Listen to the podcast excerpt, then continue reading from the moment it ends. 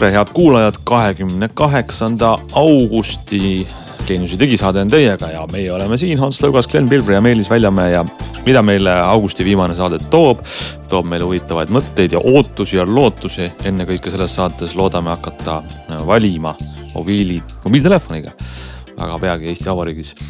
Äh, loodame, et meie kodused nutiseadmed, ennekõike nutikoduseadmed muutuvad veel targemaks ja mugavamaks, nii et meie äh, võime jääda veel laisemaks.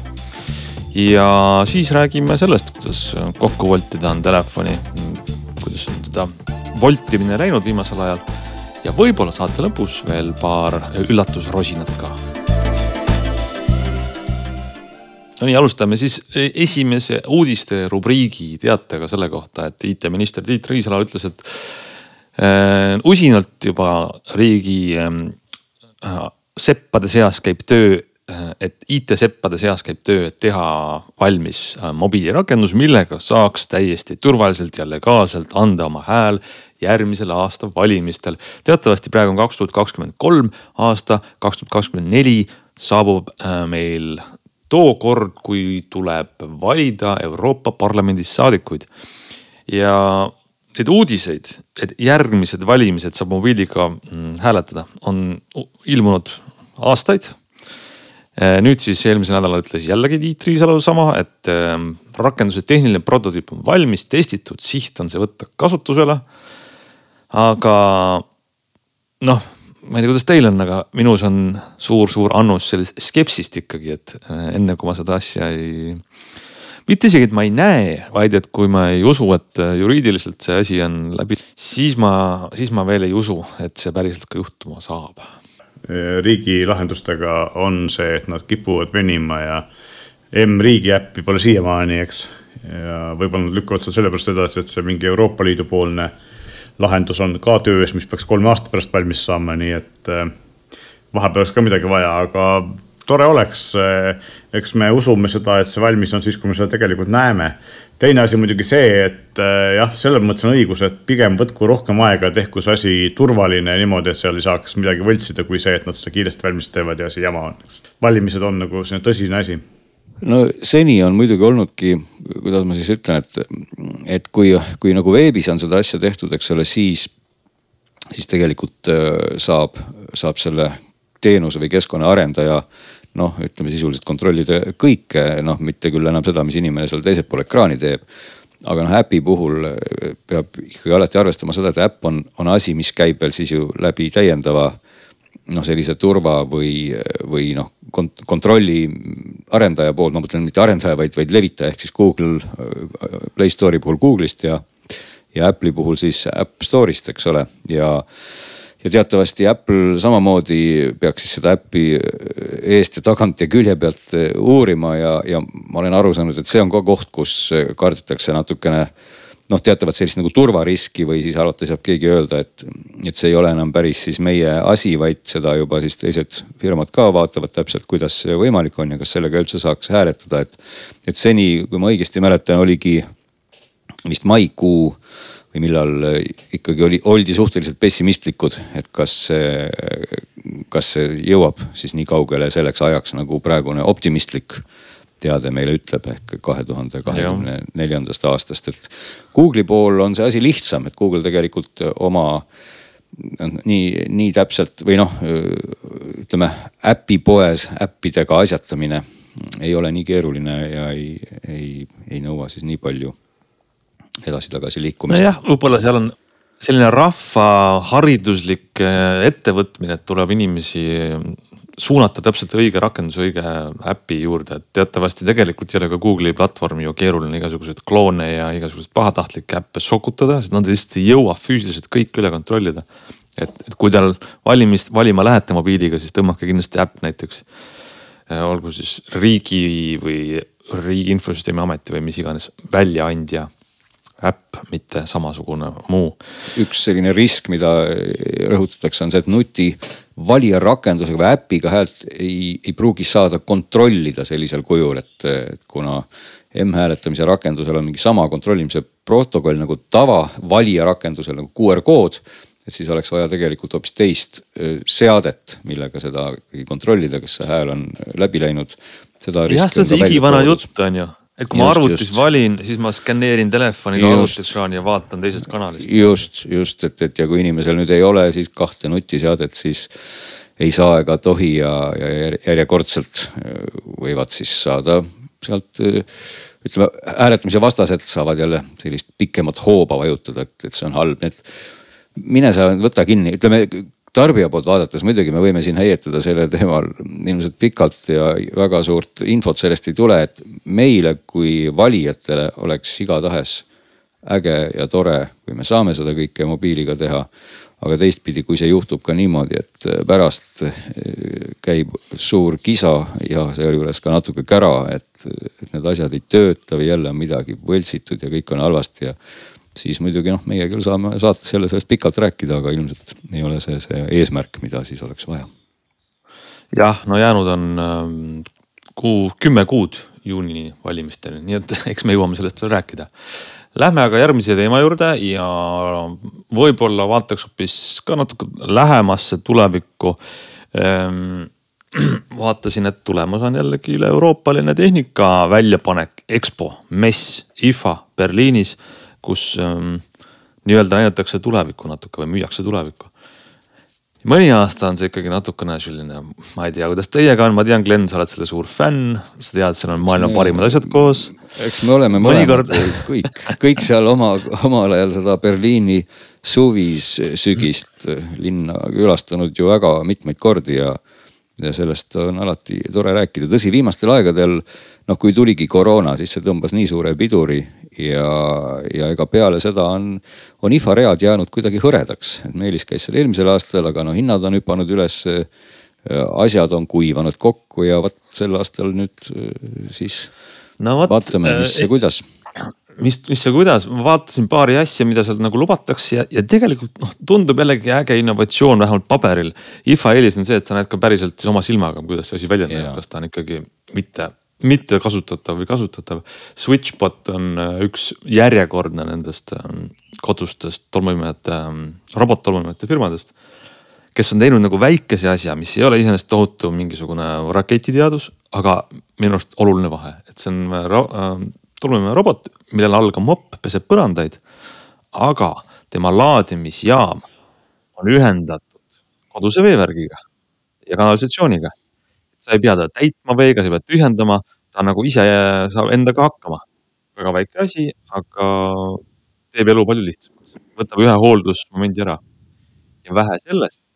kui nüüd on näiteks kodus ka Switchboti mm, õhupuhastaja ja niisutaja või, või siis ähm,, kuidas selle seadme täpselt eesti keele nimi on e,? vist on ikkagi õhu. no õhuniisutaja on ikka õige öelda. on ju jah, sest ühesõnaga see, see, mida sa pead käsitsi täitma siis äh, puhta mm -hmm. veega. siis sama robot, mis võtab kraanist nii-öelda vett oma baasist äh, näiteks põrandate pesemiseks, saab minna selle vee viia ka siis selle õhuniisutajani ja täita seda ära. Et ka teine seade vajab vähem hooldust. noh, see on see ökosüsteemi ka võlu natukene, et sa ehitad endale sellise üksteisest sõltuvad masinad. ja kolmandaks, neil on plaanis veel siis äh, tuua mõnedes, mõnes kliimas, mõnedes kodudes on hoopis liiga niiske, et õhu kuivati, et siis siin, sinna läheb see robot juurde ja teeb selle paagi tühjaks mm. -hmm. nii et äh, noh, mingid väiksed sammud, mis on kõik sinna suunas, et ähm, natukene veelgi rohkem automatiseerida kõiki neid siukseid tüütuid kodu korrashoiu käike. No siin peaks lihtsalt kommentaarina ütlemagi, et see iseenesest see idee ju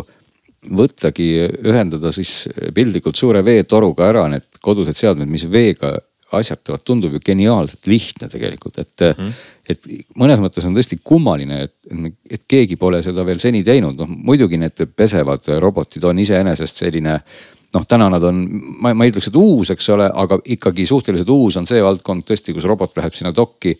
ja möllab seal ise ja müttab oma lappidega, et, et seni noh, tavaline praktika on see, et me ikkagi täidame seda pisikest veepaaki seal ja peseme neid lappe ise, eks ole, aga kui juba see dokk on, on veega, noh siis muidugi noh, mingil määral keerulisust ju nüüd lisab see, et kui seni see robotinurk oli sul võib-olla elutoas või kusagil, ma ei tea, kamina kõrval või kus iganes kohas, kus sul tingimata ei ole siis jutumärkides suurt veetoru, siis nüüd muudab see asja nii palju keeruliseks, et sa pead ikka nagu vaatama seda dokki siis nagu pesumasina pilguga. et jah, just täpselt. parajasti paigaldad on ju. aga noh et...,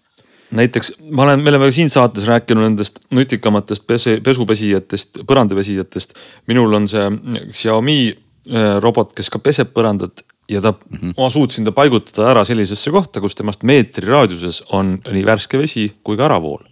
aga no tal ei ole sisse ehitatud seda, et ta ise saaks hakkama nende asjadega. ma pean ikkagi ja. minema teda sinna siis nagu. ei no just noh, ilmselt oled sa, sa oled olnud piisavalt juba ettenägelik, et võib-olla sa ja, just. nägid unes, et ühel päeval tuleb talle külge see voolik, mille sa saad siis kohe kruvida sinna, kust see vesi ära voolab. ja noh, teistpidi õhuniisutite puhul tõepoolest ju ka, millest me siin omal ajal oleme rääkinud lühemalt ja pikemalt, on see, et kui sul ikka tõesti on talvel kuivemad olud, siis õhuniisutid ikkagi vajavad päris suures koguses vett ja, ja, ja, ja kui nad vajavad päris suures koguses vett, siis iseenesest oleks väga hea mõte kuidagi need, neid, neid veesid siis omavahel kombineerida, et noh, muidugi ja. ideaalis võiks ikkagi õhuniisuti siis tõesti võib-olla puhistada sulle õhku seda puhast vett. aga kui seal on veel mingid filtersüsteemid vahel ja, ja mine tea, et võib-olla saab seal isegi mingit vett veel omakorda taaskasutada, et äkki on võimalik kuidagi noh, ma ei tea, kas siis mustast veest võtta puhas vesi ja see aurutada sulle sinna õhku. just, sa mõtled juba kaks sammu, kolm sammu ette, et äh, oleme ka ökoloogiliselt, filtreerime ära, oleme nagu ise, kodu saab iseendaga hakkama, et või. jah, et, et meil noh, tegelikult saab ju kõike selle veega teha, et ei pea noh, samamoodi nagu äh, siis juba vaatame siis ühte teist kohta, kus vett palju peale tõmmatakse, et me tõmbame seal mm. ka ju mm. täna peale täiesti puhast vett no,. võiks ju sinna panna näiteks veidi seda hallvett näiteks lasta või just, midagi sellist, pesuvett. just, et miks me peame seda, seda kallilt filtreeritud vett peale tõmbama, nii et, et kõik, mis on iseenesest veega seotud, täna on seal selgelt eh, näha, et eh, kohta on innovatsiooniks päris palju jah. just, see Switchbotil on ka selline, ütleme, see nii-öelda ökosüsteemi ütleme, silm on väga terav, et neil on see väga kaval mõte, et neil on ka selline vähe üldisem plaan, jälle väga mitte konkreetne näiteks, et kui juba on sihuke masin, mis sõidab ringi mööda kodu, suudab siis vett pakkuda mõnele teisele seadmetele, miks mitte ka elektrienergiat, ehk tal on sees aku. ta oskab seda ise täis laadida oma jaamast ja siis ta võib minna laadida teisi väiksemaid äh, patareide või akudega seadmeid, no mis iganes need on, tänapäeval me hakkame ju umbes kõiki asju akudega varustama, ma ei tea, alates äh, ma ei tea pultidest ja mingitest anduritest kuni millegi muuni, nii et, et see nagu iva on hea. aga ma tahan selle teema lõpetuseks hoopis ühe ikkagi nagu negatiivse tõrvatilga panna ka meie potti, et, et seal IFA-l lubatakse palju, aga kus on näiteks Mätteri kõigele neile? IKEA lubas, et nendel tuleb see selline keskseade, millega juhtida kõiki erinevaid nutikoduseadmeid juba eelmine aasta, sest see seade tuli välja. Mätteri tuge ikka veel ei ole. Ikka veel ei ole, ma just mõtlesin selle peale ükspäev, et kas, kas oleks aeg seda, seda osta, aga. seda lubatakse ja lubatakse ja lubatakse. IFA-l on väga tore ja kõik on nagu taevamanna aga reaalsusesse need asjad no, no väga no, ei jõua. jah, no muidugi sa puudutasid nüüd seda nutikodu teemat, et see on üldse suhteliselt kas nii-öelda valus teema või see on, see on olnud selline teema, mis, kui ma ei eksi, siis juba mõned aastad, et mitte öelda võib-olla kümmekond aastat tagasi või isegi rohkem. nagu tundus, et sellest tuleb selline metsik plahvatus nagu stiilis nagu 3D teleritest. et olidki ju meil siin äh, kas oli see Elion või kes siin pakkusid oma kõik nutikodu suuri lahendusi ja, ja see kõik tundus nagu hästi-hästi kuum teema, aga, aga see vaikselt susises kuidagi, kuidagi nagu ära, et täna, täna on ilmselt nii, et loomulikult, kui sa ehitad omale uut kodu, siis on sinna võimalik nutikust sisse panna küll ja veel, neid, neid pakkujaid on. aga samal ajal ei ole see teema kuidagi nagu väga atraktiivne ilmselt sellise retrofit'i võtmes või et kui sul on see kodu juba valmis, siis nagu inimesed on kuidagi nagu laisad, et nad ei taha enam keegi ülemäära seal nüüd möllata ja nutistada, selline on minu täitsa subjektiivne mulje, et, et sellest justkui loodeti hästi suurt sellist pauku, aga seda tarbija poolt ei, seda nõudlust ei tulnud. Vist jah, aga asi on selles, et ongi, et see, et kui sul on üks, ühe tootja seadmed, siis alati on selle, kas on, sa oled lukus sellega ja hinnaga või tootevalik on piiratud, et see Matteri lubadus oli, et noh, et eri asjad saab omavahel suhelda ma hoian silma peal sellisel veebilehel nagu matterkriipssmarthome.ee, mis siis tegelikult aitab nagu sellel ähm, arengul ähm, jälgida, kui palju asju on välja kuulutatud beetas, kui palju on müügil. ja no vaikselt tiksub juurde neid, aga tegelikult on ikkagi väga pikk maa veel minna. nutikoduga on see asi, et, et see on keerulisem, tootjad on aru saanud, et see on keerulisem kui alguses tundus ja ja see just tarkvara pool, eks ole, sa võid teha ju mingi ägeda vidina, aga see, et seda toetada et kõik asjadega töötaks, samas turvaline oleks, turvalisuse pool on kõige kõige keerulisem ja, ja see, seepärast ilmselt see asi nagu toppabki, et selle mäderiga on, on nagu asjad keerulisemad, kui, kui alguses nagu lootus oli ja asjad arenevad kõvasti aeglasemalt, kui Aga... isegi, isegi selle lihtsa asjaga, nagu see, me siin mõni, mõni aeg tagasi rääkisime, see eh, tracker'ite et Google lubas tuua, eks ole, oma tracker'i, mis siis AirTagi konkureeriks ja seda siiamaani ei ole, sellepärast et lihtsalt eh, see jälgimissüsteem, et nad Apple'i ja Google'i vahel nagu mõlemas töötaksid, selle arendamine on siiamaani nagu arenduse, sest nad ei ole seda valmis saanud ja sellepärast äh, asi nagu on lükatud enam-vähem pool aastat edasi, et see kõik aga, on keeruline on küll jah, aga ma tahan öelda, et tegelikult meil on põhjust seda loota ja see on jube äge asi ja see on nagu super nagu, kui see kunagi saabuks, sest ma toon näite. Ma tahaks, et mul on, mul on, mul on telefon ühe tootja oma, eks Apple'i oma, kus on siis nii-öelda ühe pöidlaliigutusega ma saan sellel nutikoduseadmetest ülevaate, saan sisse-välja lülitada lamp, kõiki seadmeid ja Matteri, tänu Matterile saaks kõik need asjad olla. tolmuimetajast, ma ei tea, vaatan, mis seisus on nõudepesumasin, telekas, kõik asjad. praegu mul on seal pooled. siis on mul näiteks Google'i kõlar ja temale ma saaks öelda käsklusi, et ma ei tea, pane telekas kinni, lambid põlema, pane robot tolmuimeja tööle. Täiesti eri platvormide seadmed, kõik töötavad omavahel. Ja põhimõtteliselt tähendaks see seda, et äh, vahet ei ole, kust on telekas, kust on see robot-tolmuimeja, kust on see külmik, kust on need tuled, kust on need tulede lülitid, mis mu seina peal on, et need on kõik eri tootjad. Ja ma saan eri seadmetest neid juhtida. See oleks ju nagu imeteha. ei, oleks kindlasti on, aga minu aga, mis ma ikkagi siia lisaksin ka, on just nimelt see, et, et me, me, me alati igasuguse tehnoloogia arenduse puhul on nagu peavad olema tasakaalus nagu see nõudlus peab ületama nii palju seda pakkumist, et pakkumisel tekiks olla veel kord huvi seda nõudlust ületada, siis läheb see lumepall nii-öelda nagu veerema. et kui, kui nagu pakkumine on selline, et noh, tehnoloogiliselt on see isegi võimalik. me saame seda asja teha, aga küsimus on, et kas inimesed päriselt kõike seda tahavad teha, kindlasti on olemas neid inimesi, kes, kes ka täna on, hüppavad rõõmust lakke, sest nad saavad kaugelt oma tulesid, televiisorid, garaaži uksi, muruniidukeid ja kõiki asju vaadata ja juhtida. Aga tõenäoliselt on rohkem inimene, inimesi, kes pehmelt öeldes lihtsalt ei viitsi, kes, kes pigem äh, tulevad kodus, vajutavad lülitit, nii nagu autodes on meil inimesed, kes tahavad nuppe ja inimesed, kes tahaksid rääkida ja ekraane silitada et, et keda no, nagu on aga, rohkem, et. aga tead, mis, tead, mis neid inimesi veenaks või? veenaks see, kui sa saad elektriarve poole väiksemaks või küttearve poole kui sul väiksemaks. on, kui sul on tõesti on, mingisugune väga nagu selge selline majanduslik edu või, või kokkuhoid, siis muidugi, aga kui see nagu, kui see nagu taandub sellisele, lihtsalt sellisele vidina kasutuse õhinale et siis sellel, no ütlemegi siin võiks kohe siit hüpata edasi ühe, ühe vidina poole, mis väga hästi selle, selle filosoofiaga haagib ja mm -hmm. see mhm. vidin on Galaxy või Samsung Galaxy Fold viis mida no,, mida me oleme siin rohkem ja vähem ju ka painutanud ja vaadanud. ja lihtsalt võtsin ta nüüd omale siis ka päriselt prooviks, nagu Meelis proovis siin Flippi, mida ta vist siiamaani proovib ja ei olegi veel nagu sugugi väga pettunud näoga. mina nüüd nädal siis vaatasin, kas see Fold viis et kuidas see telefonina nagu on, teadupärast on siis see nüüd see telefon, mis äh, paindub siis suuremaks, noh suuremaks painduvad mõlemad, aga, aga Fold viis paindub siis nii suureks nagu üks ruudukujuline tilluke tahvel. Ja kui sa selle kokku voldid, siis on ta äh, täpselt poole väiksem sellest ruudust, et sihukese kitsa ristküliku kujuline telefon, eks ole, mitte siis mitte siis selline seebikarp, mis vold, voldib väikseks lahti, vaid, vaid pigem vastupidi, tahvel, mis voldib siis väikseks kokku. ja, ja ega eh, need muutused esmapilgul jah, kui me juba Foldidest ja Flipidest rääkides oleme öelnud pidevalt, et need, need on ju numbrit vaadates juba ei tea mitmendad, eks ole, nüüd on see siis viis. siis ega Samsung siin ka nagu välimuse mõttes mingisuguseid väga suuri muutusi otseselt ei ole toonud, välja arvatud see, et, et teda saab nüüd tõesti kokku voltida nagu ka seda väiksemat, et sinna ei jää seda vahet vahele, mis iseenesest annab visuaalselt no, annab muidugi palju juurde, et ennem kui see tundus natuke selline pro prototüüptoode siis nüüd ikka sa voldid selle kokku ja kui no sinna vahele mitte midagi ei jää, siis tundub, et nii see peabki olema, eks ole. Et äh,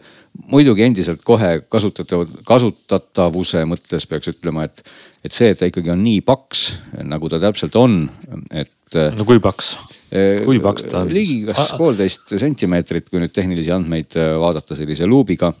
ei, valetan, vähem, ikkagi ta on, ta on täna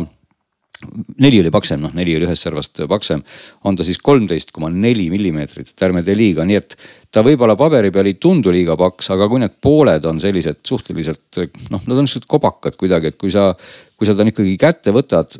ja kokku voldituna, ta tundub paks, et noh, ma ei taha küll nüüd siia sellesse otseselt kinni jääda, et pigem see aspekt, mida ma tahtsin just selle telefoni puhul esile tuua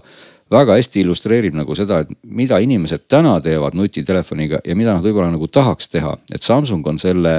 selle Fold viie tõepoolest siis täis ikkagi nii palju pumbanud, kui võimalik on. selliseid noh, nagu lisaväärtusi, mida sa ei saa teha tavalise telefoniga ja kui sa hakkad seda nagu kasutama sellelt pinnalt, et sa oled harjunud kasutama oma tavalist telefoni, siis sa tegelikult ilmselt takerdudki lihtsalt nende samade asjade taha, millest ma juba siin ka pikalt jauran. täpselt see, et noh, kui paks ta on, kuidas teda on kokku voltida. aga kui sinna nagu süvitsi sisse hüpata, siis on seal päris palju sellist nutikat lahendust, mis annab nagu funktsionaalsust või lisab või ütleme, toetub sellele volditavale funktsionaalsusele. no üks on üks on täpselt siis see, et teda on võimalik laua peale ju asetada nagu miniatuurset sülearvutit, tehes see ekraan niimoodi poolenisti lahti. kõiki äppe eh, on võimalik, noh, osad on siis kohe ikkagi nii-öelda ka Samsungi poolt eh, või, või, või muidu juba tootja poolt optimeeritud. aga põhimõtteliselt võimalik on sundida kõiki äppe siis sellises noh, nii-öelda pooli, poolitatud režiimis töötama, mis tähendab, et siis allpool on mingi muu osa, olgu selleks klaviatuur, puuteplaat juhtnupud mingid videokeskkonna Youtube'i puhul. ja siis ülemisel poolel on kena lai ekraan nagu kino, väike film, eks ole. või, või mis iganes muu, muu pilt mm. -hmm. tegelikult sellisel kujul annab ta päris sellise hea, noh täiesti uue mõõtme, et sa võid väga kergesti panna omale mingi võileiva või joogitopsi kõrvale selle telefoni nagu pisikese arvuti lauale ja vaadata sealt filme või, või kasvõi kirjutada midagi või ühesõnaga teha asju hoopis nagu uuel moel ja väga lihtsalt, eks ole, et oma mobiiltelefoni jaoks ilmselt muidu otsid sa mingit veeklaasi või ma ei tea, kuidas üldse inimesed seda laua peale panevad või ta on lihtsalt laua peal. et see, see on nagu üks asi, sa võid ta panna ka loomulikult teistpidi laua peale, noh niimoodi, et ta oleks siis nagu kuidas ma ütlen, kummargil mitte niimoodi, et tal on üks pool vastu lauda, vaid niimoodi, et tal on siis no moodustab nagu tagumine pool jala ja samamoodi sa siis saad kasutada seda esimest ekraani poolt nagu lai ekraani, mis on sinu poole suunatud, et, et see on nagu, see on nagu üks koht. ja ta, ja ta pöörab selle, pöörab selle sisu siis ütleme noh, nii-öelda gravitatsiooni suunas. pöörab selle sisu siis nagu sellele välimisele ekraanile, eks ole, mis, mis on siis noh, ei ole nüüd see mm. sisemine ekraan, aga see välimine ekraan jääb siis hea, hea nurga alla. teine pool äh, on multitasking või mitu asja korraga see on ilmselt ka muidugi asi, mis noh, tõenäoliselt kõik, kellel on tahvlid, kõik noh, ma isegi täpselt ei tea, kuidas pidi ma tahaks seda öelda, et ma, ma tahtsin pigem öelda niipidi, et see multitasking on asi, mida tootjad justkui pressivad peale. Aga tõenäoliselt millegipärast sellised suureekraaniliste tahvlite omanikud, kui see ekraan tõesti ei ole võib-olla meetrine, eriti nagu ei kasuta. mina pean ütlema ka iPad'i puhul pigem ajab see mind alati marru, kui mingid juhuslikud juhuslike viibetega äkki ilmub minu ekraanile mingisugused mitu asja ja siis ma vannun ja siis ma ei mäleta täpselt, kuidas see nüüd tuli ja miks see nüüd ära ei lähe ja. et põhimõtteliselt väga hästi saab seda -hmm. kõike nüüd teha ka Boldiga ja ilmselt sai ka ennem. aga, aga see on ka pool, et kui sa tahad seda kasutada, kui sa seda suurt ekraanipinda, mis on ruudukujuline tahad selle multitasking'u vaates tarbida, siis kui sa jätad omale käe sisse või õpid ära või sa tunned puudust, kuidas seda teha, need pisikesed viiped seal kahe sõrmega servadest eh, nii-öelda pühkimine, siis tõepoolest see toimib ausalt öeldes nagu üllatavalt hästi, et kui sa selle kui sa näed selles enda jaoks asja, sa saad panna mitu asja kõrvuti ja nad ilusti on seal ekraani peal tõesti näha, olgu see siis mingi näiteks meil või tekstitöötlus või mingi sõnumside. Väga mugav on ka ühest äpist teise kopeerida, et see on tõesti hästi lahendatud, sa nagu tõmbad lihtsalt selle teksti osa või mis iganes sa seal sõrmega parajasti mudid, tõmbad selle üle, hoiad pikemalt all, sa saad selle tõsta kohe teise kohta. Väga lihtsalt, noh näiteks noh, no üle praktiline näide ongi, et sa mingisugust veebilehte loed, midagi kirjutad kellelegi e-kirja, tahad selle segmendi sinna hästi ruttu sisse panna. Ja seda ongi väga lihtne teha, kui sa tead neid paari otseteed, kuidas seda teha. Ja, ja selliseid mm -hmm. noh, kaamera samamoodi fotoaparaat, kuna välimine ekraan moondub ka siis vajadusel olema nii-öelda, kuidas ma ütlen, sisemine ekraan, kui sa teed selfit või vaatad enda poole, sest kaamerad siis ju vaatavad samale poole, sa saad kasutada neid tagumisi kaameraid ja seda suurt ekraani. sa saad väga hästi kadreerida, teha pilte nende suurte kaameratega endast jällegi, mida annab see kahe ekraani tugi. noh, samamoodi kaamera puhul seesama lahendus, et telefon on laua peal, siis sellise nurga all sa saad kasutada telefoni ju statiivina nagu ka Flipi puhul. nii et see, see nimekiri ei lõpe ka siin ära, ehk et mm, tulles tagasi selle jutu alguse juurde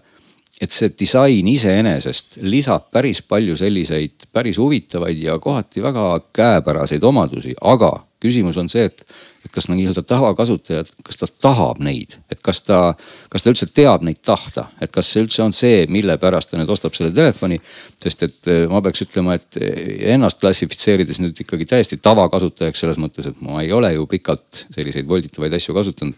ma pean tunnistama, et mina tundsin teatavat kergendust, kui ma võtsin jälle kätte oma sellise tavalise laia labida, mida ma ei pidanud voltima. sest need funktsioonid, mida, need lisafunktsioonid, mida ma sealt kõik sain, justkui kaalunud praegu nagu üle seda, et ma tundsin, et see minu personaalne lumepall veel sealt, sealt nõlvast ei hakanud nagu alla veerema, olgugi et, et, et annab palju juurde see volditav ekraan. et võib-olla, kui nüüd, miks see võib-olla ka päris nii ei olnud, on see, et tõesti mind segas selle Foldi puhul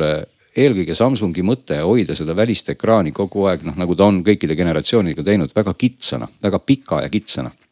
mis tähendab seda, et kui sa võtad selle telefoni mm -hmm. reaalselt kätte ja ei voldi seda lahti, siis see klaviatuur seal all on väga kokku surutud, sest et ekraan on, on väga-väga kitsas ja, ja kui see võib-olla muutuks, noh, ma vaatasin siin konkurente, mida ma ei ole küll käes hoidnud, eks ole, aga, aga siin on kasvõi seesama Pixel Fold millest me oleme ka teoreetiliselt rääkinud ja siis on olemas väga ilus ja tore telefon, vähemalt paberi peal on Honoril, mis on siis Magic V2, mis on ka samasuguse vormiga ja nad mõlemad on tunduvalt madalamad. ehk et mulle nagu tunduks, et selle kasutajakogemuse mõttes oleks küll väga tore, kui telefon ei oleks nii kitsas ja pikk, et ma ei saa täpselt aru, miks Samsung teeb nii kitsast Aga... ja pikka telefoni. ja, ja samamoodi on ka tegemist palju õhema telefoniga, et Honor Magic V2 näiteks kümme koma üks millimeetrit, see kolm pluss millimeetrit on suur arv selles kontekstis. ja nagu me mäletan, Meelisega siin käisime ka seda uut Huawei'd vaatamas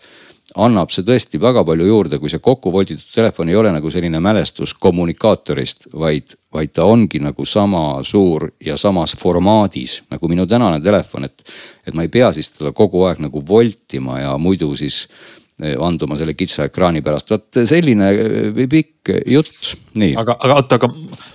mul on sulle lõpetuseks see küsimus, et äkki see kogu see kitsus, esiekraani mõõtmed, kõik see, mis on halvasti, on teatav ohverdus selle nimel et kui sa siis teed voldid mhm. hingajad lahti, siis sind lööb pahviks see no., mm, milline see suurem ekraan on ja ma tahan küsida sinu emotsiooni selle kohta, et kuidas siis nagu Fold no, viiel on see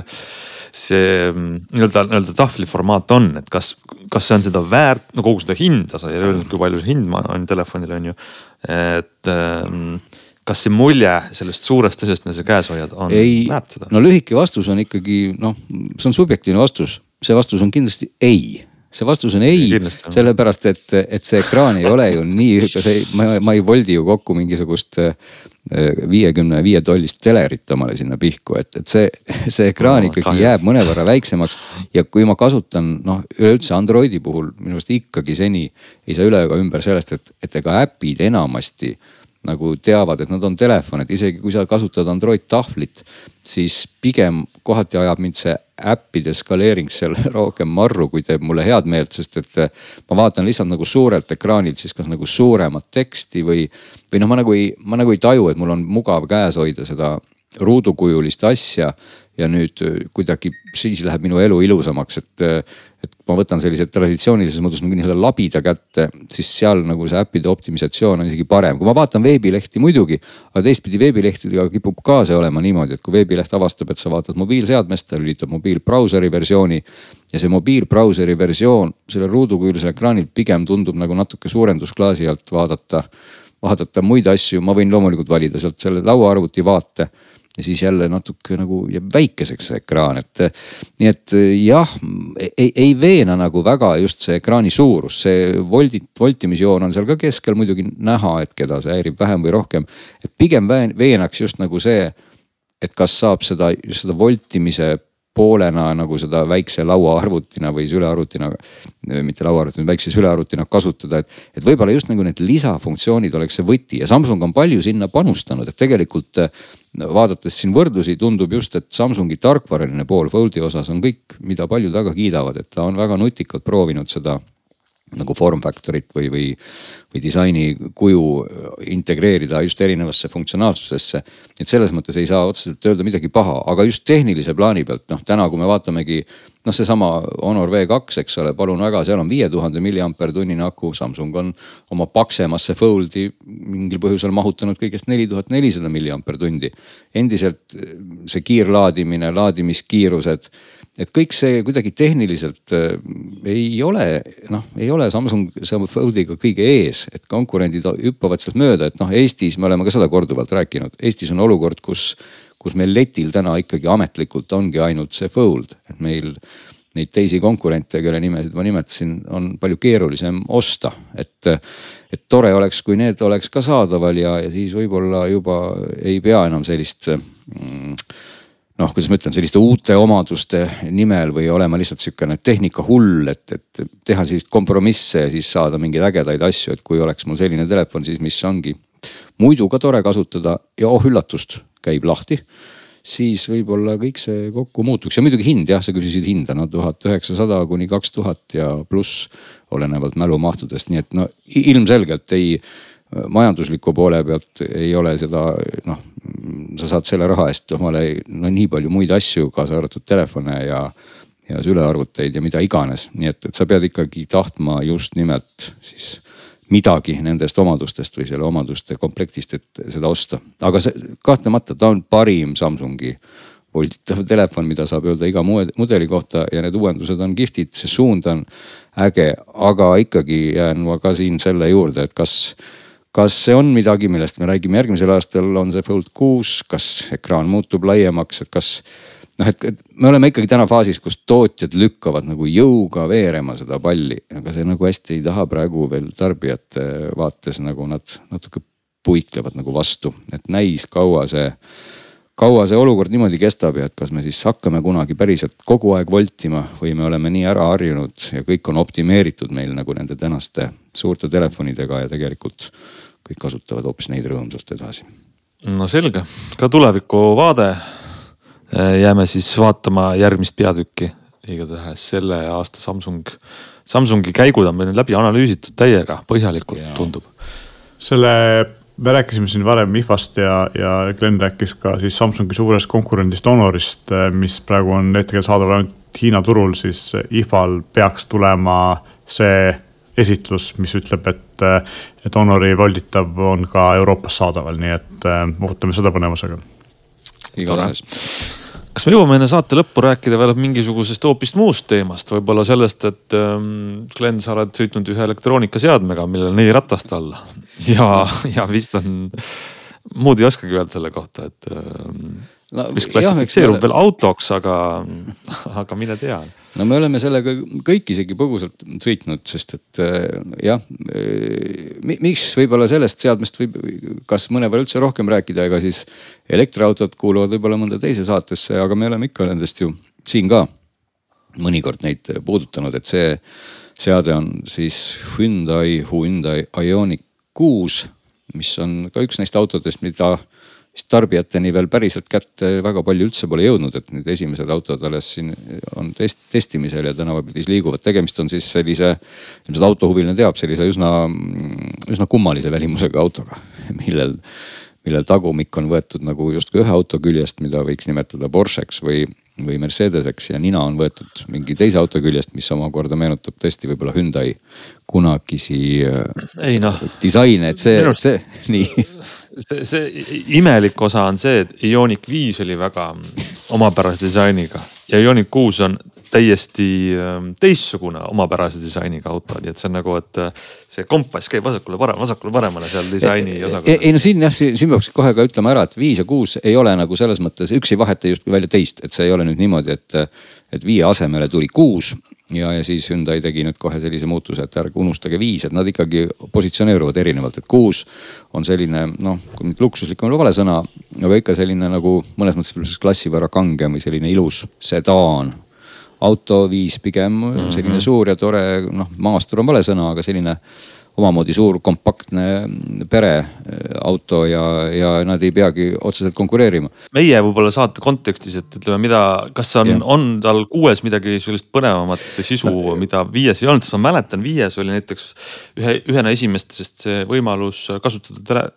nagu siis akupangana seda autot, et sa laed teisi. ja see on, see on endiselt olemas, sa saad eh, loomulikult võtta siis sealt elektrit välja, et võimalik on sul jah ühendada see kaabel sinna, sinnasamasse, kus elekter läheb sisse. ja siis sealt eh, ammutada siis oma koduste seadmete või, või, või seadme jaoks elektrit. nii et see, see kõik ongi väga hästi, et mis, mis selle auto puhul muidugi on suurim muutus ja võib-olla meie saate kontekstis võib-olla isegi otseselt ei ole oluline, aga, aga tasub kindlasti mainida, on see, et see kummaline kuju on ikka teinud äh, selle sõitva arvuti ülimalt säästlikuks, et, et see, see annab nagu nii selgelt sulle märki, märku ja märki sellest, et miks autod võtavad siis palju kütust või, või olgu selleks elekter või mingi muu, muu liik, on ikkagi õhk ja õhutakistus. et äh, uskumatu on see, kuivõrd suur erinevus ongi viiel ja kuuel õhutakist või noh, elektrikulu mõttes et nad on noh, põhimõtteliselt võimsuselt ei ole ju äh, mingit vahet, pigem on vastupidi, et pigem noh, sa võid võtta siin väga võimsa äh, kuue, mis äh, on noh, oma olemuselt ju suur ja raske masin. aga elektrit võtab ta noh, ligi paar, kolmkümmend protsenti vähem, eriti, eriti maanteesõidul, eriti kiirel sõidul ja eriti võib-olla ka sellisel sõidul noh, sellise nii kiirel sõidul, kus üldse ei tohikski sõita, et et kui, kui noh, ütleme numbritest rääkida, siis tavaline äh, elektriauto noh, maanteel seal võib-olla üheksakümne, sajaga sõites keskmiselt kipub ikka ütleme kaheksateist, üheksateist võtma. kilovatt-tundi saja kilomeetri kohta. kilovatt-tundi sajale kilomeetrile, täpselt, see on oluline, et see ei ole mhm. siis liitrit sajale vaid kilovatt-tundi saja kilomeetri kohta. maanteesõidukulu reaalselt oligi siis umbes neliteist, viisteist, mis ikkagi tundub sellise suurusklassi masina kohta nagu, nagu uskumatult vähe mm. -hmm kaks tonni nagu, kaaluv masin, tühi masin. jah, et põhimõtteliselt nagu ne, neljanda või noh, neljandiku võrra vähem, eks ole, ja, ja kui siis ikkagi kiirusi nihutada juba suhteliselt ebalegaalsesse piirkonda kas siis see kütusekulu või elektrikulu, no ta tõusis loomulikult, aga, aga noh, üle kahekümne saamiseks pidi ikka nagu väga palju pingutama, et selle auto tippkiirus on limiteeritud saja üheksakümne juures.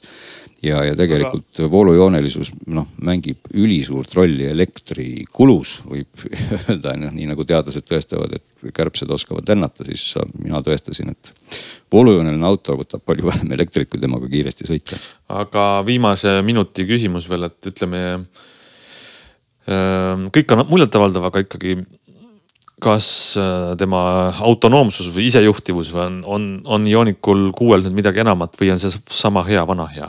jah, vot see, see on täitsa tõesti täitsa eraldi teema, et äh, ega autode isejuhtimine on pigem selle taga, et et seda viimast tilka sinna isejuhtimise karikasse on väga keeruline valada väga erinevatel põhjustel, alates siis tõesti tehnikast, lõpetades seadustega. ja, ja ta on joonte vahel loomulikult võimeline sõitma ja ta ennetab kõikvõimalikke neid neid olukordi, mis siis võivad juhtuda, tõsi, mis, mis hakkas häirima ja mis vist kardetavalt vaikselt Euroopa Liidu nõudmistel võib-olla hakkab üldse paljudes uutes autos häirima. on see, et, et autod seoses tarkusega hakkavad sulle igasuguseid helisignaale andma, kui nad avastavad midagi ebasobivat. noh, üks ebasobiv asi on näiteks kiiruse ületamine loomulikult. nii et Ioniq kuus teeb seda kogu aeg nii, et ta vaatab siis eh, liiklusmärke, teab ka ju GPS-iga loomulikult asju ta kogu aeg siis arvab, et ta teab väga hästi, kui kiiresti võib kusagil sõita. enamasti ta teabki seda väga õigesti ja kui sa sellest kiirusest siis lähed üle kasvõi mõned kilomeetrid, rääkimata mõnest kümnest siis ta teeb alati plänn-plänn. Need plännid on väga erinevad, see kiiruse ületamise plänn on ühe kõlaga, reast kaldumise plänn on teise kõlaga, siis et tee kohvi pea, peatus, sest sa oled väsinud plänn on kolmanda kõlaga. Loomulikult turvavööplänn on neljanda kõlaga, kui sa hakkad kellelegi kogemata otsa sõitma, siis kostub väga agressiivse kõlaga plänn. ehk et reaalne elu selle autoga sõites on see, et erinevaid selliseid plin-, plinge ja, ja blänge kostub kogu aeg sest et kui sa ikkagi juhtumisi näiteks kolmekümne alal, olgu selleks siis mingi õueala või kahekümne ala sõidad kolmekümne viiega, saad seal pling, pling, pling, pling, kohe teada, et see oli paha. kui sa viiekümne alas juhtumisi sõidad natuke üle viiekümne, siis tuleb kohe pling, pling, pling. Kui sa reast natuke kõrvale kaldud, käib pling, pling, pling, nii et see auto ta teeb kogu aeg mingeid hääli, mis, mida sai osaliselt välja lülitada, aga alati sisse noh käivitades nii-öelda uut sõitu alustades olid need hääled kohe lupsti jälle tagasi. ja, ja väidetavalt siis äh, sain ma teada, et, et Euroopa Liit plaanibki tulevastele tarkadele autodele selliseid häälehoiatusi jätta kohustusena, et, et need ikkagi juhti siis teavitaksid kogu aeg erinevatest olukordadest, aga see, see oli tegelikult muide tüütu, see oli tõsiselt tüütu, kui sa kui sa noh, tahtsid näiteks võib-olla mingit muusikapala kuulata või, või, või midagi sellist teha, mis, mis kogu aeg ei, ei vajanud autopoolset segamist sinu sõidukiiruste ja suundade osas nii et ei, ei saagi öelda, kas see tulevik oleks, oleks ilus, et auto kogu aeg bling, blingib ja, ja, ja plännib sul, eks ole, et muidugi ta noh, kõikvõimalikke no, otsasõit, noh jah, kõikvõimalikke otsasõite ja neid asju ennetavad tänapäevased autod juba sõltumata elektrist eh, täitsa tõhusalt, et noh, siin võib ka öelda, et mõnikord see isegi võib-olla ehmatab, et kui sa ikkagi mingisuguses kohas lähened mingisugusele autole, mis juhuslikult on sellises kohas, et sinu auto arvab, et see auto jääb tal nüüd kuidagipidi teele ette, olgu see siis järsk pidurdus või, või mingi muu asi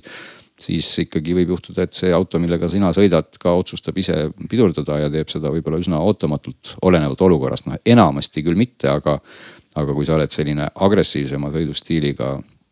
tegelane, siis, siis kindlasti ei, ei võib-olla ei sobi hästi see, et auto sinu eest kogu aeg otsustab, aga samal ajal võib ta mõnes olukorras tõenäoliselt jääda ennem seisma küll, kui, kui sina jääks seisma, eks ole, et, et see. no õnneks, õnneks on see niipidi, et veel inimene on agressiivsem kui auto, et kui vastupidi. E, seda küll jah, muide siin noh, tulles ka selle jutu alguse juurde, kui me sellest õhutakistusest siin rääkisime, eks ole, et tegelikult see, mis siis selle kütusekulu tõesti maagiliselt heaks teeb on siis number null koma kakskümmend üks, et, et see on noh, üks, üks ülimadal number, kui, kui vaadata konkurente, et no ütleme siin Tesla Model kolm,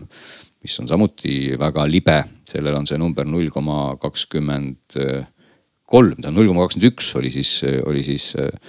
Ioniq kuuel, Tesla Model kolmel null koma kakskümmend kolm ja Ioniq viis, millest ma ka rääkisin, mis on siis üksjagu elektrijanusem, on see null koma kakskümmend kaheksa. nii et äh, kui väga lihtne järeldus, kui te tahate teada, palju teie elektriauto juhtumisi maanteel elektribensiini tarbib, siis tulebki vaadata nüüd hoopis seda numbrit, sest et see on väga selline halastamatu number, mille saab kohe